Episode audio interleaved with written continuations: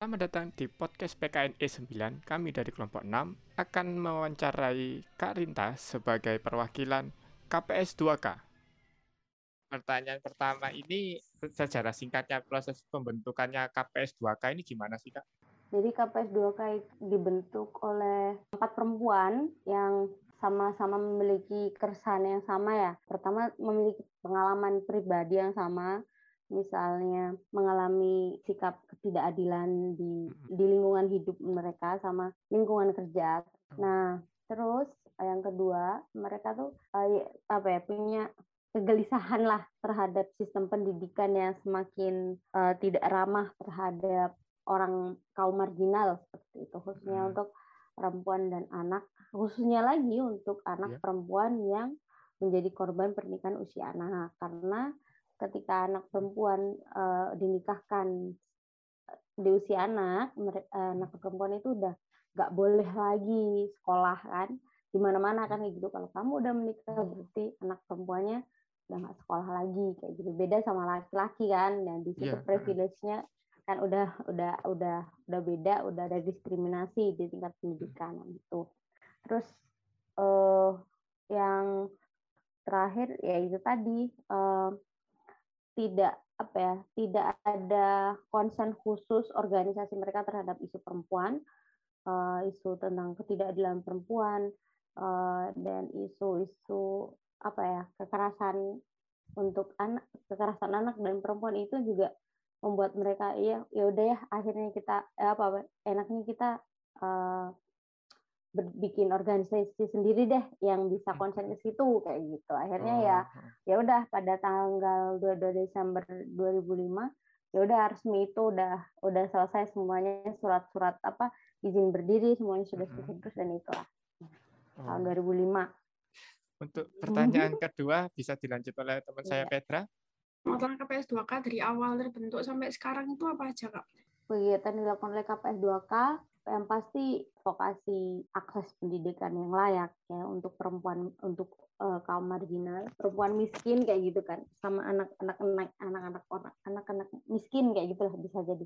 Karena semakin pada tahun-tahun itu uh, pendidikan yang bagus misal misalnya uh, pendid enggak enggak hanya pendidikan yang bagus ya tapi pendidikan itu semakin uh, mahal kayak gitu kan. Uh, sehingga KPS 2K itu berinisiatif untuk membuat uh, pendidikan PAUD ya untuk anak usia dini yang ramah ramah anak jadi ramah anak dan um, maksudnya itu gratis bisa diakses oleh eh, orang-orang uh, miskin yang membutuhkan. Karena kita tahu sendiri di kota-kota besar atau bahkan di desa pun pendidikan anak usia dini itu juga cukup mahal dan uh, tidak bisa dijangkau oleh orang miskin kayak gitu. Akhirnya KPS 2K mendirikan PAUD PAUD Matahari di Kabupaten Pasuruan.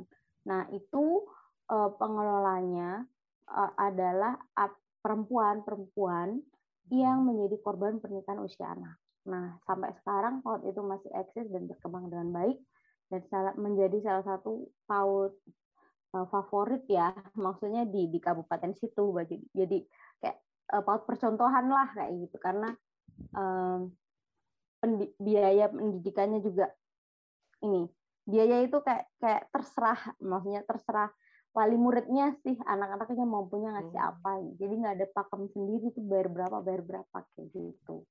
Nah selain mendirikan ini apa sekolah advo, uh, juga melakukan advokasi ke pemerintah pemerintah daerah ya untuk untuk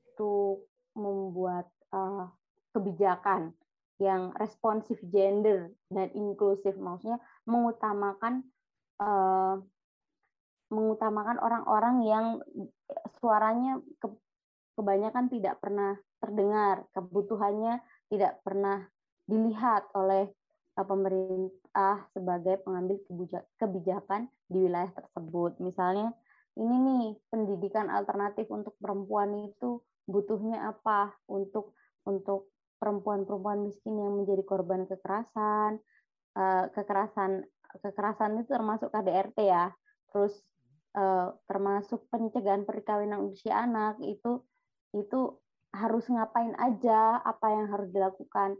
Itu KPS 2K melakukan upaya-upaya advokasi ke pemerintah daerah untuk uh, membuat kebijakan yang responsif terhadap uh, kebutuhan-kebutuhan perempuan dan anak dan kaum marginal lainnya. Uh, untuk pertanyaan selanjutnya bisa ke teman saya Jennifer. Kalau kesulitan hmm. yang biasa dihadapi KPS 2K dalam kegiatan sehari-hari, apakah ada kak? Jadi kalau kesulitan di tingkat apa ya, di tingkat eksternal ya, eksternal itu misalnya dari uh, orang, maksudnya teman-teman komunitas maupun uh, partner uh, partner di luar untuk mencapai tujuan program, misalnya pemerintah daerah kayak gitu kan, pemerintah daerah. Kendalanya dari kalau dari mereka itu uh, ini mereka masih ber, berpikir pragmatis. Ya jadi program yang kita tahu kan panjang bertahun-tahun hasilnya baru kelihatan. Nah itu kadang sudah banyak yang menyerah di akhir. Ah mana ini nggak ada hasilnya ikut ikut kayak gini ikut sekolah perempuan nggak ada hasil aku nggak nggak kasih nggak kaya nggak dikasih modal kayak gitu. padahal kita bukan kan orang yang ngasih modal emang ngasih modal uang bukan kayak gitu. Terus uh, dianggap kita dianggap uh, kayak organisasi yang menyesatkan kayak gitu. Karena uh, kami dianggap sebagai organisasi yang mengajarkan perempuan untuk berani kepada suaminya masing-masing kayak gitu. Itu itu masih banyak masih banyak masih sering mengalami seperti itu karena uh, sejak ikut sekolah perempuan teman-teman teman-teman sekolah perempuan itu banyak yang bisa bernegosiasi gitu loh. Jadi bernegosiasi, aku mau ikut kegiatan ini di luar. Nanti tolong ini nih ya. Sebenarnya pasangan mereka tidak keberatan, tapi orang di luar, misalnya tetangga nih, tetangga itu yeah. ini men, apa ya? Jadi distorsi gitu. Maksudnya apa yang gitu ya, ya? dilihat. Ya? Uh, uh, ya, jadi jadi mereka menghakimi kepada perempuan hmm. teman-teman sekolah perempuan yang sering keluar sering sering keluar rumah itu berkegiatan di luar rumah misalnya kan teman-teman sekolah perempuan itu sering kan kami sengaja um, mengadakan kegiatan itu biasanya di hotel kan di hotel berapa hmm. beberapa hari tiga sampai empat hari gitu kan itu kan tujuannya supaya mereka uh, tahu bagaimana caranya kalau di hotel apa ya di kota itu seperti apa. Terus ya biar lebih nyaman aja sih sebenarnya. Terus hmm. gitu tuh yang yang yang berita yang beredar itu kayak mereka katanya di hotel tuh jual diri. Ya maklum ya orang desa nggak pernah ini. Iya. pokoknya pokoknya jelek-jelek terus ya negatif terus orang-orang tuh nggak nggak bisa lihat. Nah itu baru tertu karena itu baru baru mulai hilang karena sudah terlihat Eh, kegiatan-kegiatan yang KPS 2K gagas itu ada manfaatnya loh kayak gitu. Nih mampu membantu orang miskin yang nggak punya kartu kesehatan yang butuh berobat ke rumah sakit itu didampingi sama teman-teman sekolah perempuan. Nih jadi gratis nih kamu nggak usah nggak usah bayar, nggak usah ngeluarin uang kayak gitu. Anda yang melahirkan miskin orang miskin melahirkan uh, dibantu didampingi sama teman-teman sekolah, sekolah perempuan. Ada orang dapat kekerasan dipersulit untuk uh, bercerai kayak gitu kan. Itu dibantu didampingi sama teman-teman sekolah perempuan kayak gitu. Dari internalnya sendiri KPS 2K sendiri kami masih kekurangan research untuk anak muda ya anak muda untuk khususnya untuk handle campaign-campaign di media sosial. Uh, kami masih terbatas. Jadi belum ada staff khusus yang fokus di media sosial untuk mengkampanyekan anti kekerasan anti kekerasan lah anti KDR hari hari buruh hari-hari yang seharusnya kita sering bahas untuk melakukan edukasi-edukasi kepada warga warga digital ya warga net hmm, kayak itu itu hmm. masih kurang. Terus i, uh, staff yang ada itu kurang up to date masalah teknologi jadi kayak ngedesain poster brosur kayak gitu tuh masih kurang. Karena hmm. memang apa ya emang kita nggak ada waktu untuk belajar itu. Terus ya sudahlah kita lakukan pekerjaan utama aja yang yang penting gitu. Jadi partisipasi untuk mendukung kampanye-kampanye untuk kesetaraan di dunia digital itu masih sangat kurang. Karena memang staffnya uh, tidak mencukupi kayak gitu. Hanya ikut sewajarnya, sesempatnya kayak gitu. Aku aku mau nanya, apa ada keinginan atau tujuan dari KPS 2K yang belum tercapai? Kalau tujuan dari KPS 2K tuh misalnya nih nol kasus pernikahan usia anak. Jadi pengennya wilayah program yang pernah bekerja sama dengan KPS 2K itu menjadi wilayah yang aman buat perempuan dan anak-anak kayak gitu. Misalnya tidak ada lagi kasus pernikahan usia anak.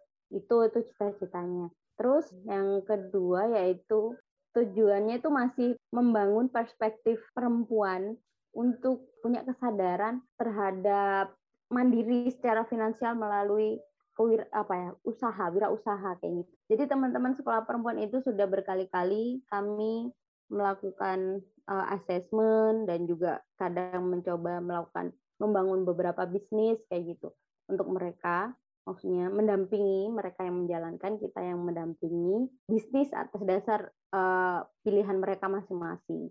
Nah, kenapa teman-teman di sekolah perempuan ini kami kami push untuk mempunyai penghasilan sendiri? Karena kami percaya bahwa perempuan yang punya penghasilan sendiri atau kita sebut sebagai perempuan yang mandiri secara finansial itu lebih punya power, lebih punya posisi tawar ketika berada dalam situasi sulit misalnya ketika mereka mendapatkan eh, perlakuan yang kasar atau mendapatkan kekerasan dalam rumah tangga seperti itu. Itu sih itu cita-cita KPS 2K yang dua poin itu yang yang belum belum tersampaikan. Kayaknya itu jadi cita-cita abadi kayak gitu. Untuk pertanyaan terakhir bisa dengan teman saya Jason. Apa yang membedakan lembaga KPS 2K atau kelebihan dari lembaga perempuan lainnya? Ini pengalamanku sendiri di KPS 2K gitu ya. Fleksibel sih di KPS 2K maksudnya ramah terhadap misalnya pekerja perempuan. Jadi misalnya hmm. kita menstruasi nih, kita boleh istirahat sesuai dengan undang-undang tenaga kerja juga. Dia menghargai hak-hak kita sebagai perempuan sih di KPS 2K menerapkan benar-benar menerapkan prinsip-prinsip uh, feminisme dalam kerja-kerjanya. Terus di KPS 2K itu memberikan kesempatan untuk orang untuk belajar. Jadi maksudnya seperti aku nih, nggak punya background pendidikan sosial sama sekali, tapi sama KPS 2K diberikan kesempatan untuk mendalami isu untuk mendalami isu dan bekerja di isu tersebut. Itu sih kelebihan yang aku rasa dibanding di yang lain-lain. gitu.